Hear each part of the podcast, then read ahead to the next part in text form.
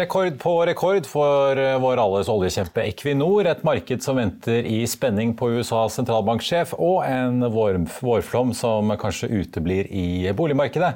Det er onsdag 4. mai. Velkommen til Økonominyhetene. Vi har et stort spenn i hva vi skal snakke om i dag på det som har vært en tettpakket nyhetsdag. Vi har truffet eh, konsernsjefene i Equinor og Skipsted, som er ute med sine regnskapstall i dag. Og vi får også besøk av eh, boliganalytiker Mario Mamre for å snakke om boligprisene for april, som akkurat har blitt sluppet. Det ble også teknisk analyse av Telenor-aksjen. Men la oss begynne å se på markedet akkurat nå. På Oslo Børs er hovedindeksen opp 1,1% og det er akkurat det samme som den endte opp i går. Selv, og selv med mandagens fall på 1,7% så er vi da i pluss for uken så langt. Og det er jo nettopp eh, Equinor blant annet, som er med på å løfte børsen i dag. Det samme gjør eh, bl.a. Aker Solutions. Det er rentemøte i USA med annonsering da klokken 20 i kveld. og Det er jo ventet at vi får en eh, dobbel renteheving fra Jerome Powell og resten av eh, sentralbankstyret i Washington. Det spennende blir å se hvilke signaler som eh, sentralbanken sender om veien videre, etter at vi fikk disse inflasjonstallene for USA for mars måned, som viste en prisvekst det siste året på 8,5 på Oslo Børs i dag så har vi jo eh, fått flere nyheter. og Det begynte jo egentlig i går kveld. For eh, oljeservice- og seismikkselskapet PGS varslet en emisjon. og De er da en av aksjene som er med på å løfte hovedindeksen i dag. PGS er opp over 20% til rundt 4 kroner og 70 øre. Selskapet varslet først en emisjon på 710 millioner, men endte med å hente 800 til 3 kroner og 70, altså en krone under der aksjen ligger nå. I tillegg så kommer det jo et nytt obligasjonslån på 50 millioner dollar. Altså en snau halv milliard kroner og en reparasjonsemisjon i eh, tillegg. Ifølge selskapet så skal eh, den nye kapitalen bidra til å styrke balansen i forkant av et refinansieringsbehov som de legger opp til i tredje kvartal i år.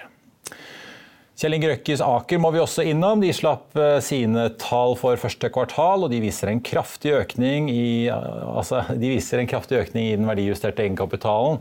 Godt hjulpet av de høye olje- og eh, gassprisene. Den eh, verdijusterte egenkapitalen steg til nye rekorder fra 69,8 milliarder ved nyttår til 74,7 milliarder nå ved utgangen av mars. Aker BP, oljeselskapet, bidro alene med 7,9 milliarder, og Aker Solutions bidrar også solid der. Aker kjøpte jo nylig opp Hightech Vision sin aksjepost i Aker Solutions. Og både Aker Solutions og Aker BP er oppe over 30% så langt eh, i år. Vi får også ta med i porteføljen til Aker at eh, Aker Energy, altså oljeselskapet som satser på et prosjekt i Ghana, kan bli trukket inn i sanksjonene mot eh, Russland. For oljesatsingen i Afrika så begynner fristen å nærme seg for å levere en utbyggingsplan for Pekanfeltet. Planen til feltet, hvor russiske Lukoil er lisenspartner med en eierandel på 38% skal leveres innen utgangen av juni. Konsernsjef Øyvind Eriksen i Aker sier til Finansavisen at Lukoil er per i dag ikke sanksjonert, og selskapet har levert i henhold til sine forpliktelser overfor lisensen. Men at Aker følger utviklingen tett, og at Aker Energy forbereder seg på å måtte håndtere følgene dersom Lukoil blir eh, sanksjonert. Får vi også ta med at Aker Solutions, som også er med på å løfte hovedindeksen i dag, falt nesten 8 i går etter at de slapp sine kvartalstall. og det var jo da sagt fra analytikerhold at dette skyldes at forventningene til nye ordrer kanskje er enda høyere enn det selskapet klarer å levere og signaliserer. Selv om de venter en rekord i ordreinngang både i år og eh, neste år. Aksjen stiger jo altså over 4 i dag, og Pareto Securities mener at den nedgangen vi så i går er uberettiget, og høyner kursmålet sitt fra 27 til 30 kroner, men beholder likevel en holdanbefaling. ABG sier kjøp på 39 kroner. Før vi går videre i sendingen, husk at du også kan se sendingene våre ved å gå inn på fano-tv, og at vi også har andre podkaster enn bare Økonominyhetene, som Morgenkaffen, Gründerpodkasten Veien hit, Ukens vintips, Kunstpraten og bilpodkasten Mil etter mil. De finner du ved å søke Finansavisen, der du hører på podkast. Vi må snakke litt eh, olje, for både Australia, Storbritannia, Canada og USA har jo allerede innført importforbud på russisk olje, og nå jobber den store importøren EU med det samme. Et forslag sirkulerer nå rundt i, mellom medlemslandene. Om en utfasing innen dette året, der man starter med råolje og deretter innfører en, et forbud på raffinerte produkter som bensin og diesel. Og dette ganske dystre geopolitiske bildet med krig og energikrise la også sitt preg på Equinors resultatpresentasjon i dag. For det er et alvor å spore, selv om høye priser og en energikrise gjør at det regelrett flommer over av penger i Equinor-kassen nå. Den forrige resultatrekorden i det justerte resultatet ble satt i fjerde kvartal på 15 milliarder dollar. Nå klinket Equinor til med hele 18 milliarder, godt over analytikernes forventning på drøye 17 milliarder. De voldsomme inntektene gir eh, både en negativ gjeldsgrad i selskapet og store utbytter til eierne, selv om utbyttene ikke skal økes videre akkurat nå. Og Det er også noen skyer i horisonten for prispress på prosjekter, og en sur regning på vei ut av Russland preger også Equinor-tallene. Bare se her. De eh, sterke resultatene vi presenterer i eh, dag, kommer i skyggen av de brutale krigshandlingene i Ukraina. Anders Oppedal, konsernsjef i Equinor. Dere slår eh, nok en gang nye rekorder med de høye olje- og gassprisene, med et ganske mørkt bakteppe selvfølgelig med krigen i Ukraina. Dere har jo besluttet å trekke dere ut av Russland, har et eh, tap på en drøy milliard dollar der. Eh, vurderer dere å gå inn i andre markeder når dere trekker dere ut av et såpass stort marked som Russland tross alt har vært? Nei, Det var jo krigen i Ukraina og på en måte de brutale scenene vi så derifra som gjorde at vi besluttet å trekke, trekke oss ut av, av, Russland. Vår strategi ellers eh, ligger jo fast. Eh, og Der har vi sagt at spesielt innenfor olje- og gassegmenter så skal vi optimalisere porteføljen. Det gjør jo at vi har eh, trukket oss ut av eh, seks land allerede, hvor vi ser mindre potensial. Og så har vi også nå trukket oss ut av, av, av Russland. Eh, så kommer vi til å fokusere på de landene landene som vi er i. Eh, og så er Det klart at eh, det vil alltid være muligheter også i, andre land, men eh, det skal jo da være betydelige muligheter før vi, før vi velger å satse i også andre land. da. Du var inne på prestasjonen her om at ikke bare er markedet veldig volatilt, men det skjer også mange politiske beslutninger. Nå ser vi jo at det virker som EU faktisk vil gjøre alvor av trusselen om å slutte å kjøpe russisk olje, og det jobbes jo intenst med også å kutte behovet for russisk gass. Endrer det deres planer og prognoser for hvor mye olje, gass og fornybar dere skal levere til Europa? Altså, vi har jo sett behovet lenge for at det trengs eh, mer olje og gass uh, i verdensmarkedet, basert egentlig på den økonomiske oppturen som vi så etter covid-19. Uh, vi har sett et, et, vanvittig behov for økning i fornybaraktiviteten, uh, og ikke minst fornybar energi, både i Europa, men i resten av verden. Det store bildet endrer seg ikke med denne krigen som vi ser nå. Så det gjør at si, vårt eh, bidrag blir å fortsette å gjøre de investeringene både innenfor olje og gass og fornybar som vi hadde, hadde sett uh, for oss. Det vil nok skape en del nye muligheter framover, spesielt innenfor fornybarsegmentet i, i Europa med en opptrappingseffekt der. Men, men, og det vi kanskje også ser, det er at hvor vi selger olja vår vil kanskje endre seg, men ellers så ligger på en måte strategien vår fast. Klimautfordringen har ikke endra seg med, med, krigen. så Derfor så føler vi at vi har en robust strategi for å møte på en måte den, de store endringene vi ser i markedet akkurat nå. Apropos det, Tilgangen på areal har jo vært den store jokeren i den fornybarveksten dere og andre aktører planlegger. Kan, kan Ukraina-krigen endre på det? At europeiske politikere får opp farten og åpner opp mer, tror du? Ja, altså Ikke bare tro, men det er helt avgjørende at, eh, at politikere gjør det nå. Eh, det har vært flaskehalsen. Eh, det har vært dyrt, og det har gjort at si, avkastningen for den investeringene har vært litt mer under press enn den var tidlig når vi gikk inn. Så vi har ikke tatt nytt areal i det siste. Men nå må politikerne åpne opp for mer areal og velge de selskapene som evner og gjøre raske utbygginger eh, på, på de energibehovene som trengs innenfor fornybar, og spesielt er det havvind vi satser på. Eh, du poengterer jo her i dag at eh, økte energipriser, økte råvarekostnader, sikkert mangel på arbeidskraft og også trøblete leveransekjeder som kan gi forsinkelser, nå kan påvirke porteføljen deres. På hvilken måte da? Altså det vi ser hver gang det er gode oppgangstider og, og eh, forstyrrelser i leveransekjedene, er det at uh, det kan bli forsinkelser i, i, leveranser. Det vil ha følge, følgekostnader. Vi ser av og til også at når det blir høy aktivitet, at det blir kvalitetsproblematikk på, på, leveranser vi får og sånne ting. Så det er veldig viktig at vi, vi motvirker det. Her handler det om å bruke hele den verktøykassa som vi etablerte etter Eh, når olje- og gassprisene gikk kraftig ned i 2014.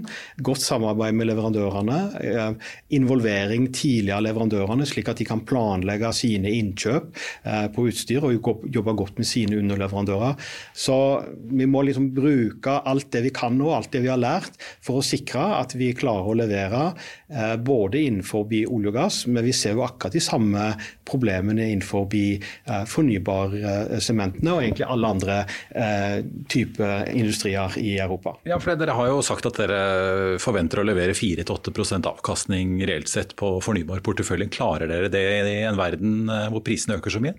Det er jo det som vi har satt som et avkastningskrav. og Det betyr jo at eh, vi velger å ikke gå inn i, i nye områder hvor vi ser at dette er utfordrende. og Samtidig så jobber vi og bruker på en måte hele den kompetansen vi har i selskapet til å se hvordan vi kan optimalisere eh, politikken, hvordan vi kan optimalisere prosjektgjennomføringen. Vi digitaliserer driften, eh, slik at vi hele tida kan eh, gjøre eh, kan si, både Capex og Opex så, så liten som mulig. Samt at vi bruker også prosjektfinansiering, vi bruker strategiske nedsalg som en verktøy for å sikre at vi får den avkastningen på egenkapital som, som, som vi ønsker. Jeg må høre med deg også, Pengene renner jo inn i kassen deres nå med en kombinasjon av høye priser og de kostnadskuttene som dere har gjort de siste årene. og Du har nå over 20 milliarder dollar eh, på bok. Gjeldsgraden din har deist ned til minus 22% Kan eh, eierne dine, inkludert den norske stat, se frem til enda større utdelinger fremover, eller har du noe annet å bruke denne kapitalen på? For det første så kan jo staten se fram til betydelige skatteinntekter. Eh, vi har betalt mer enn 36 milliarder kroner dette kvartalet. Så har vi eh, en skatteregning for, eh, som vi skal betale i andre kvartal på over 70 milliarder norske kroner. Og I første kvartal så genererte vi en skatteregning på over 110 milliarder norske kroner, som vi skal begynne å betale på i andre kvartal. I tillegg så har vi også utbytte, men ikke minst, det aller viktigste, vi investerer i en veldig attraktiv eh, prosjektportefølje. Vi investerer for framtida. Equinor-aksjen er opp 3,5 eh, på Oslo Børs akkurat eh, nå. Yara vurderer børsnoteringen av sin grønne ammoniakkvirksomhet eh, kalt Yara Clean Ammonia. Det kom frem i en melding i dag. Ammoniakk fra naturgass er jo i dag en helt sentral innsatsfaktor i Yaras gjødselproduksjon. og Nå vil de jo da jobbe for å bli litt eh, grønnere på den fronten. Yara Clean Ammonia står jo nå igjen alene med det såkalte Hegra-prosjektet på Herøya for å bygge ut dette grønne ammoniakkanlegget der, etter at Statkraft og Aki trakk seg ut litt tidligere i år. Yara skriver i meldingen at de vil eh, beholde minst 50% av eierskapet i selskapet, og at meglerrussene ABG og JP Morgan er hyret inn for å vurdere hvilke muligheter man har. Enheten ledes av Magnus Ankarstrand og ble etablert i fjor, og Yara-aksjen er ned 1,8 i dag. E-læringsselskapet Kahoot hadde fakturert inntekter på 34 millioner dollar i første kvartal, tilsvarende en oppgang på nesten 80% fra samme periode i fjor. Aksjen faller eh, så vidt 0,3 i dag og omsettes nå for rundt 22 kroner stykket. Så får vi også ta med at uh, teknologiselskapet Elop, som driver med avansert inspeksjon av infrastruktur, meldte i dag at de har fått et tilbud på datterselskapet sitt Simplify på 140 millioner og at dette salget vil sikre Elops finansiering og deres videre vekst. Elop-aksjen er ned 1,3 Skipsted melder om vekst i både medie-, finans- og rubrikkvirksomhetene sine, men aksjen er likevel ned rundt 4,5 i dag. Kursfallet er likevel ingenting mot den halveringen vi har sett det siste halvåret, som i stor grad skyldes det store fallet i Adevinta, den internasjonale rubrikkvirksomheten som ble skilt ut fra Skipsted i sin tid. Kollega Anders Pedersen Bjergård tok en prat med konsernsjef Kristin Skoggrunn om hva hun vil gjøre med disse Adevinta-aksjene. Nå står jeg sammen med konsernsjef Kristin Skogen Lund i Skipsted. Hvordan vil du oppsummere første kvartal? Ja, vi hadde god vekst på 7% eh, Gjorde det veldig bra i Finn, norske markedsplassene. Og vi har også vekst i media og gjør det bra i Lendo. Så har vi et noe høyere kostnadsnivå enn i fjor. Da var det kunstig lavt. Så på resultatet så skuffer vi nok noe i forhold til det som var forventningene. Kan du si noe med utsiktene til markedsplassene fremover? Ja, det ser lovende ut. Det. Det, går, det går jo veldig bra i Norge på tvers av alle disse ulike vertikalene. Da mener jeg jobb og eiendom og bil og reise som har kommet tilbake, så det er gledelig.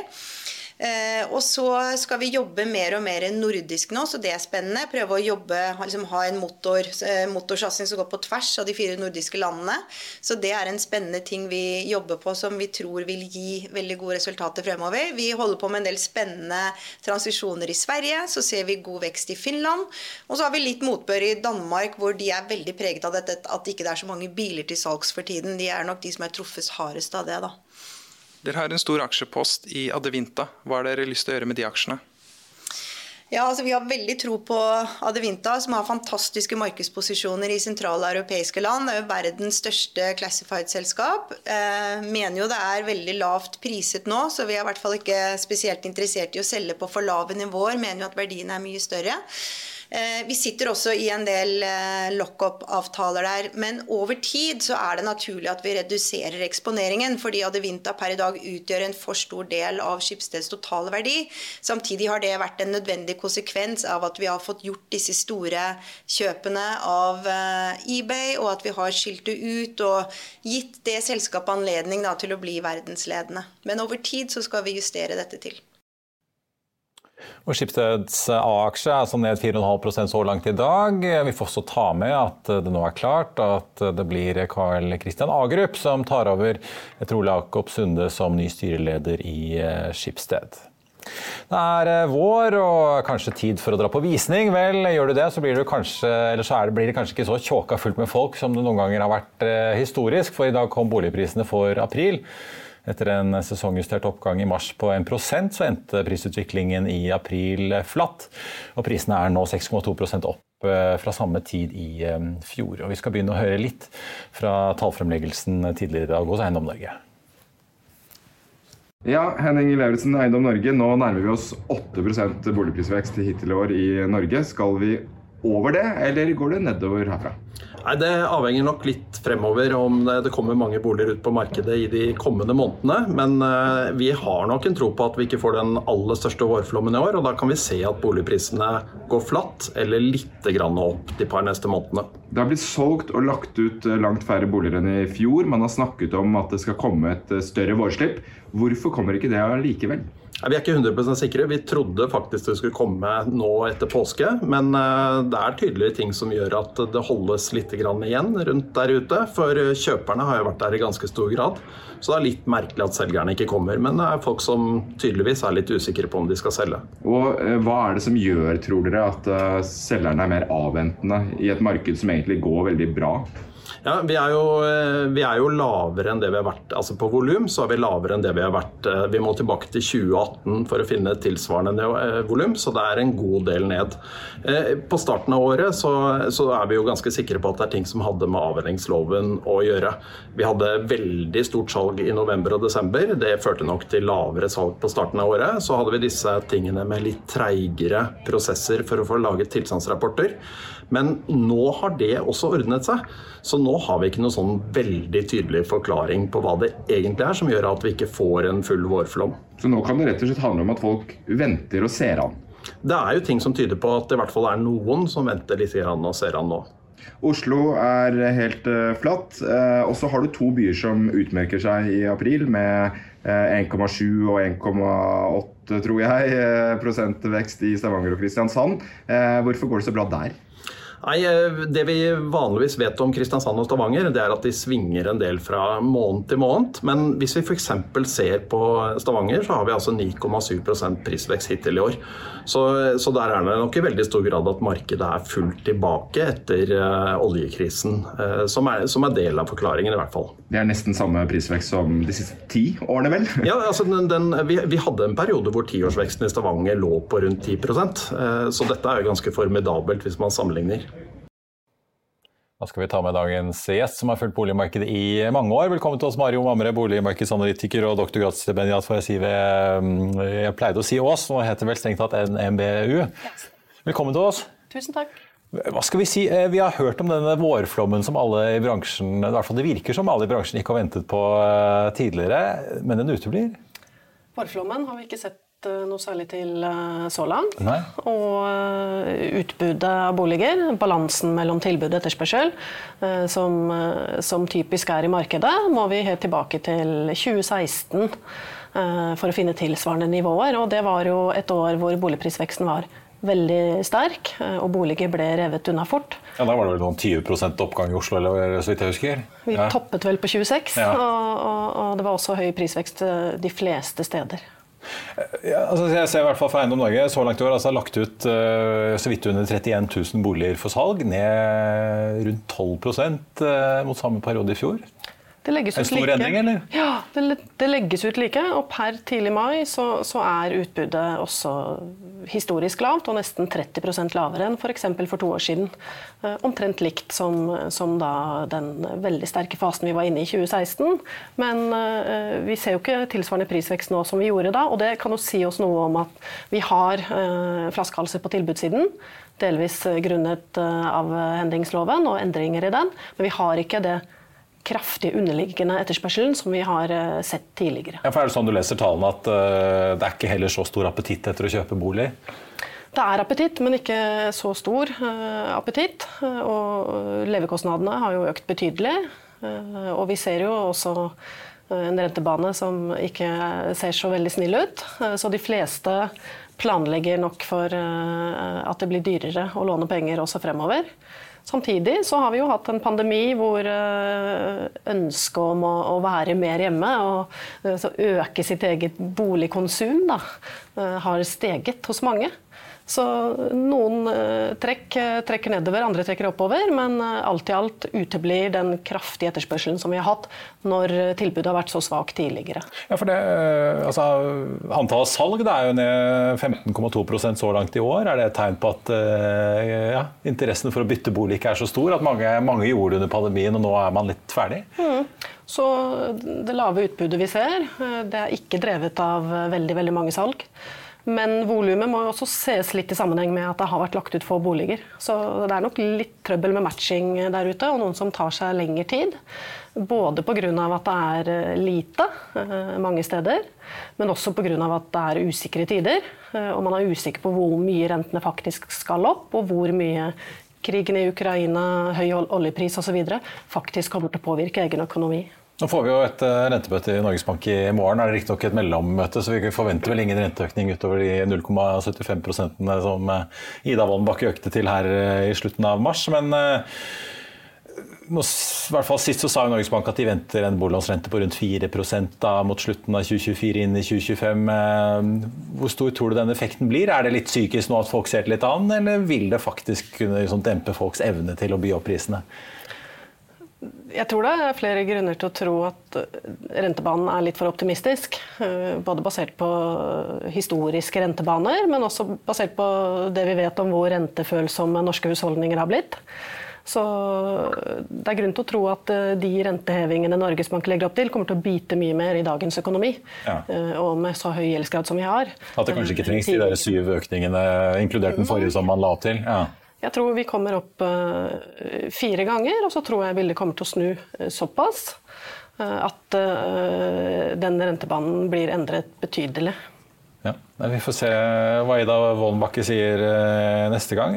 Men denne avhendingsloven, som jo var en stor greie rundt nyttår fordi at alle plutselig trengte disse rapportene for å få lagt ut boligen sin for salg. Hvor stor effekt er det nå? Er den helt borte? Kan den forklare noe av det lave utbudet du refererer til? Det tror jeg kan forklare mye. Fortsatt? Ja. Eh, utbudet som har vært, eh, og fremdeles. Og vi ser jo at eh, oppdragene har hopet seg opp hos takstmenn. Og det har vært mange som har ventet på å legge ut boliger. Men nå som etterspørselen etter disse taksteringene og rapportene har vært så høy, så, er det grunn til at også tilbudet kommer på banen for disse tilstandsrapportene. Og at ikke det kommer til å være den store dempende faktoren mot og over sommeren. Eh, til slutt så tenkte jeg litt på, Du var jo litt inne på det, altså, koronaeffekten eh, av både utflytting og også hjemmekontor. Det er jo, veldig mange er jo nå tilbake både på kontoret og i sosiale arrangementer og konserter og det som er. Hvor stor liksom, er effekten av dette her nå? Vi har jo sett ganske store prisøkninger, eh, særlig da rundt kanskje Oslo. Hvordan ser dette ut nå? Ja, vi ser jo at uh, den uh, rollen Oslo har hatt tidligere i, oppgangskonjunkturer uh, ved å være den store motoren som har kanskje dratt med seg resten, ikke har den rollen lenger. Så nå er Oslo, nå er Oslo lavest tolvmånedersvekst av de seks største byene.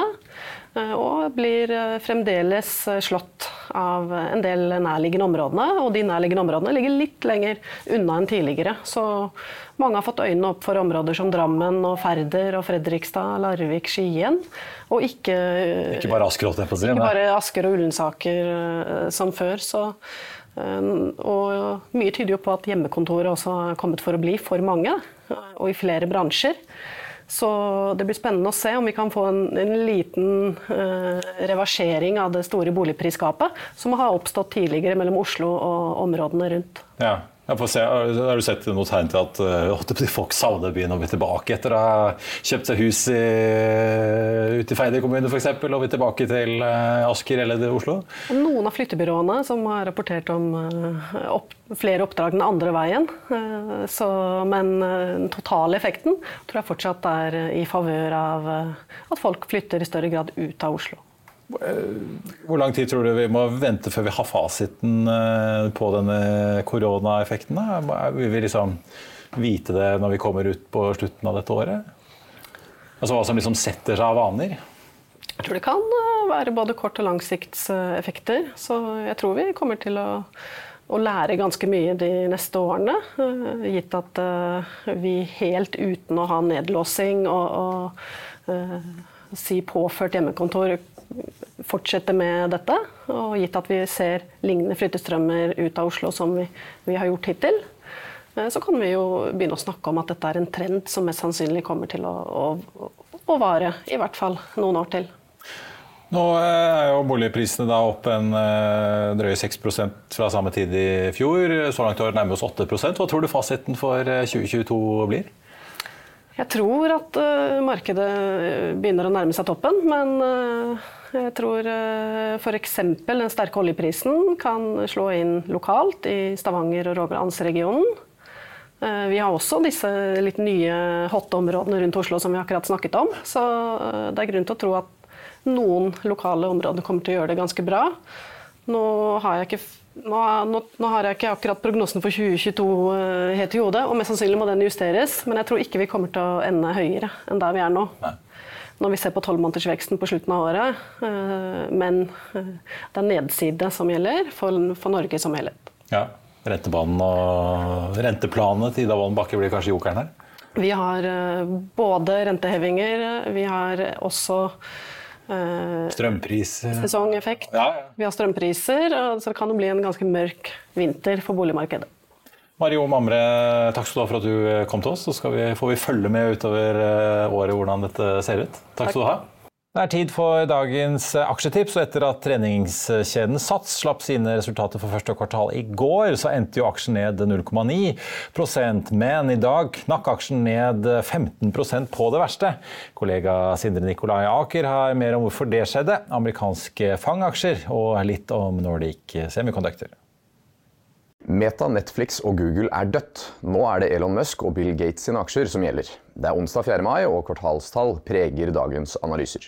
De store tech-gigantene som utgjør FANG-aksjene, Meta, Apple, Amazon, Netflix og Alphabet, kommer ikke til å klare å levere så sterkt som de har gjort før. Det mener eh, veteranforvalter Mark Houghton, som skroter forkortelsen og heller lanserer en ny forkortelse, Manta. De nye heteste selskapene er Microsoft, Amazon, chipprodusent Nvidia, Tesla og Apple. Netflix Meta Alphabet har blitt skrotet fra listen. Netflix-aksjen har krakket to kvartaler på rad etter abonnentflukt og kriseguiding fram mot eh, sommeren. Facebook gikk rett på trynet etter elendige framtidsutsikter, og Houghton mener også at Alphabet ikke har mye å gå på, fordi digital markedsføring har modnet og kan snu ned. Her i Norge har vi nok en gang Nordic Semiconductor, som dras ned fra 280 til 200 kroner av Petter Kongsli i Sparebank1 Markets. Anbefalingen står i sterk kontrast til Henriette Tromsens kursmål på 300 kroner, som kom i går. Nordic Semi står i dag i rundt 180 kroner, så Kongsli mener fremdeles at aksjen han kan gå noe med. SAS-aksjen stuper 13% etter negativ analyse fra DNB-analytiker Ole Martin Westgård. Han slakter selskapet i en ny analyse. Han tror selskapet må heve prisene for å sikre lønnsomheten. Mens Eirik Rafdal fortsetter å, være bull på treningsaksjen, til tross for den negative trenden som har startet helt siden 2021. Han nedjusterer i dag kursmålet til sitt laveste noensinne på 20 kroner, og anbefaler fremdeles kjøp. Og Vi holder oss litt på Nordic Semiconductor. For hvorfor sier egentlig Arctic Securities kjøp 300 kroner på Nordic-aksjen?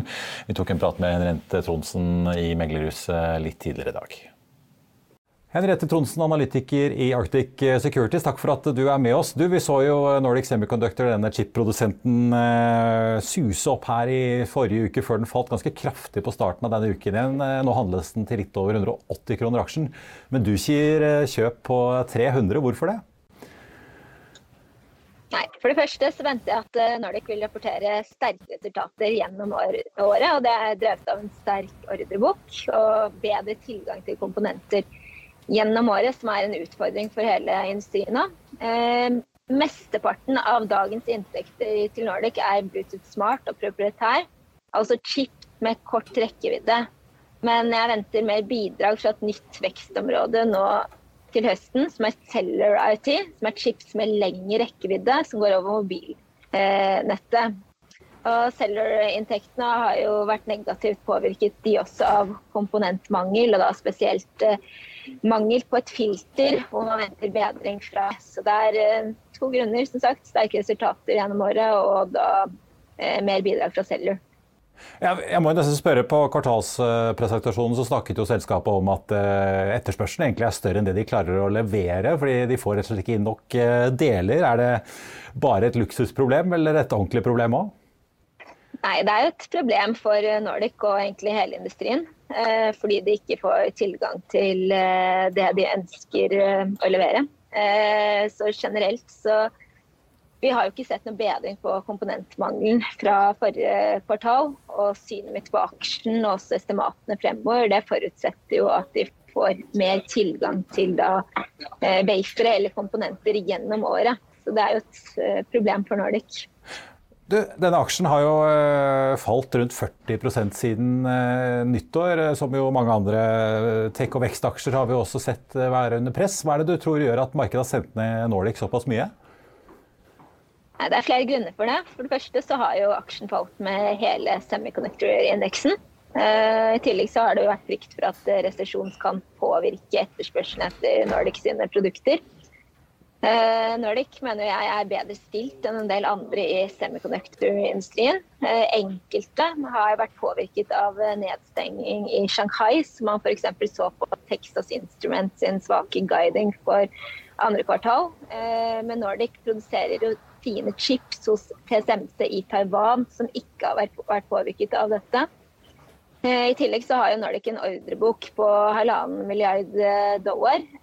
Så gitt at de får Eh, bedre tilgang til komponenter fremover, så er det et gap her mot mitt inntektsestimat på 870 millioner. Eh, som burde gi noe støtte til inntektsestimatene fremover. En annen grunn, som egentlig frykt for semiconductor generelt, det er jo at eh, når krigen brøt ut i Ukraina, så var det også noe frykt for at man ikke skulle få tak i nok råstoffer eh, som palladium og neongass, som Ukraina og Kina eksporterer i stor grad. Eh, eh, det er ikke jeg bekymret over nå på medium sikt. Det stemmer andre har et lager av disse råstoffene, eh, og bruker da kun marginalt av disse i waferproduksjon. Til slutt, Hva er det eventuelt som kan få deg til å endre på synet ditt på dette caset, da, i og med at du ser en såpass stor oppside fremover? Nei, Det er jo at en resesjon fører til eh, lavere etterspørsel etter noen sine produkter, som gjør at kunder kan gjøre kanselleringer i ordreboken. Eller at komponentmangelen som man ser i dag, ikke bedrer seg. Utover året. Og dermed at uh, estimatene som er der, er for høye. Uansett hvor sterk ordreboken er. Uh, det har jo vært noen uh, kanskje negative. AMD var jo ute i dag og sa at de så svakhet i PC-markedet. Det er mer konservativt enn den guidingen Intel ga på PC-markedet for ikke så lenge siden. Så eh, om man ser svakhet i, mer svakhet i de ulike segmentene til Nordic, så vil jo det være negativt. Eh, Foreløpig så har de sterk etterspørsel i alle segmentene. Eh, og de kan jo da allokere chips til andre kunder hvis de skulle få noe svakhet i et segment. I hvert fall veldig spennende å følge med videre. Et veldig volatilt eh, marked. Henriette Tronsen i Arctic Securities, takk skal du ha for at du var med oss. Og Nordic Semi-aksjen er opp en drøye 3% til 184 kroner i dag. Vi skal ta med denne kontrakten til eh, Frøy. De melder at de har eh, signert en flerårig kontrakt på fire og fem år for fem serviceskip med en stor norsk lakseoppdretter. Uten å nevne hvem det er. De kontraktene er verdt 250 millioner kroner, eller 340 millioner hvis man regner med opsjonene, da ifølge børsmeldingen fra Frøy. Selskapet skriver at dette er viktig for å sikre visibiliteten og veksten fremover. Vi kan ta en titt på markedet akkurat eh, nå. På Oslo Børs så er hovedindeksen nå opp 1,1% og oljeprisen hvis du ser på den, ligger nå opp da, nesten 3 i dag, til 108 dollar og 70 cent i spotmarkedet. Den amerikanske lettoljen ligger på rett over 105 dollar fatet. og det er jo da kom jo da meldinger eh, Siden i går har det jo kommet meldinger da fra EU om at kommisjonen nå vil eh, ha foreslått å forby russisk oljeimport med en innfasing gjennom året. Og dette er nå på høring hos eh, de ulike medlemslandene. Så ser vi jo da at både oljeprisen og også resultatene bidrar til at Equinor er opp i dag. 4,1% til 338 kroner og 50 øre. Selskapet meldte jo om rekordhøye inntekter nok et eh, kvartal. Og så følger jo da, hvis vi ser på listen over de mest omsatte aksjene, Norsk Hydro, som er ned 1,1 etter deres resultatslipp i går, og Rex Silicon med 0,65. Og så har vi jo da PGS, som nå er opp eh, nesten 24% til 4 kroner og 80 øre. Den aksjen er jo eh, har jo da vært litt under press i påvente av en restrukturering kanskje i seismikkselskapet. I går kveld så kom det da med varsel om en emisjon nå henter de da 800 millioner kroner eh, til 3 kroner og 70, altså en drøy krone under eh, dagens eh, kurs. Og PGS er også den aksjen som stiger aller mest på Oslo Børs i dag. På taperlisten så finner vi bl.a. plassgjenvinningsselskapet Prime, men også kjente navn som Sats, som har falt kraftig etter nedgraderinger fra flere meglerhus i dag. I Finansavisen i morgen kan du lese om vår morsomme finansminister, og hvorfor Trygve Hegnar mener at debatten på NRK like godt kan gå i reprise, nå som Nytt på Nytt har tatt sommerferie. Du kan også lese om spanske boligprosjekter som stopper opp grunnet sanksjonene mot Russland, og om eh, hvordan Magnus Halvorsen håver inn på kriserammede oljeserviceselskaper. Det var det vi hadde for deg på denne onsdag 4. mai, med litt tekniske problemer på tampen der med teknisk analyse. Men vi er i hvert fall tilbake igjen her i morgen klokken 14.30. I mellomtiden får du som alltid siste nytt på fa.no. Mitt navn er Marius Lorentzen. Takk for at du så på, og så håper jeg da vi ses igjen i morgen.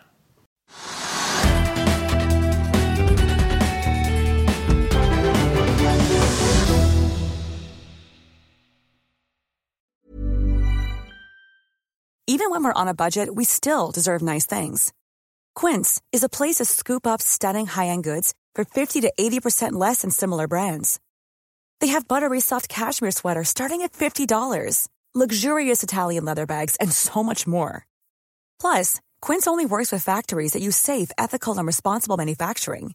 Get the high-end goods you'll love without the high price tag with Quince. Go to quince.com/style for free shipping and 365-day returns.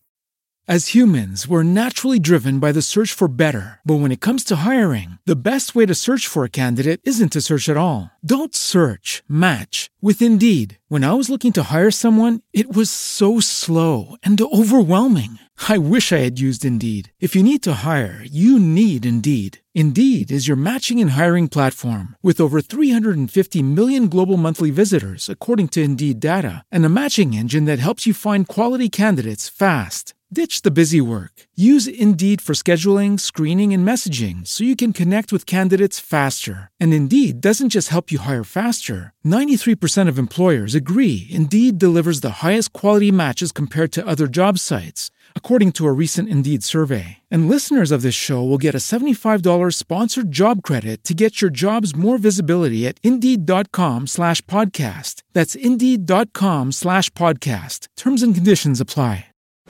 Protect your dream home with American Family Insurance. And you can weather any storm. You'll also save up to 25% by bundling home, auto, and life. American Family Insurance. Get a quote. Find an agent at amfam.com. Products not available in every state. Discounts may not apply to all coverages on an auto or home policy. Discounts do not apply to life insurance policies. Visit amfam.com to learn how discounts may apply to you. American Family Mutual Insurance Company SI and its operating companies American Family Life Insurance Company 6000 American Parkway, Madison, Wisconsin. Økonominyhetene er en podkast fra Finansavisen. Programledere er Marius Lorentzen, Stein Ove Haugen og Benedikte Storm Bamvik. Produsenter er Lars Brenden Skram og Bashar Johar. Og ansvarlig redaktør er Trygve Hegnar.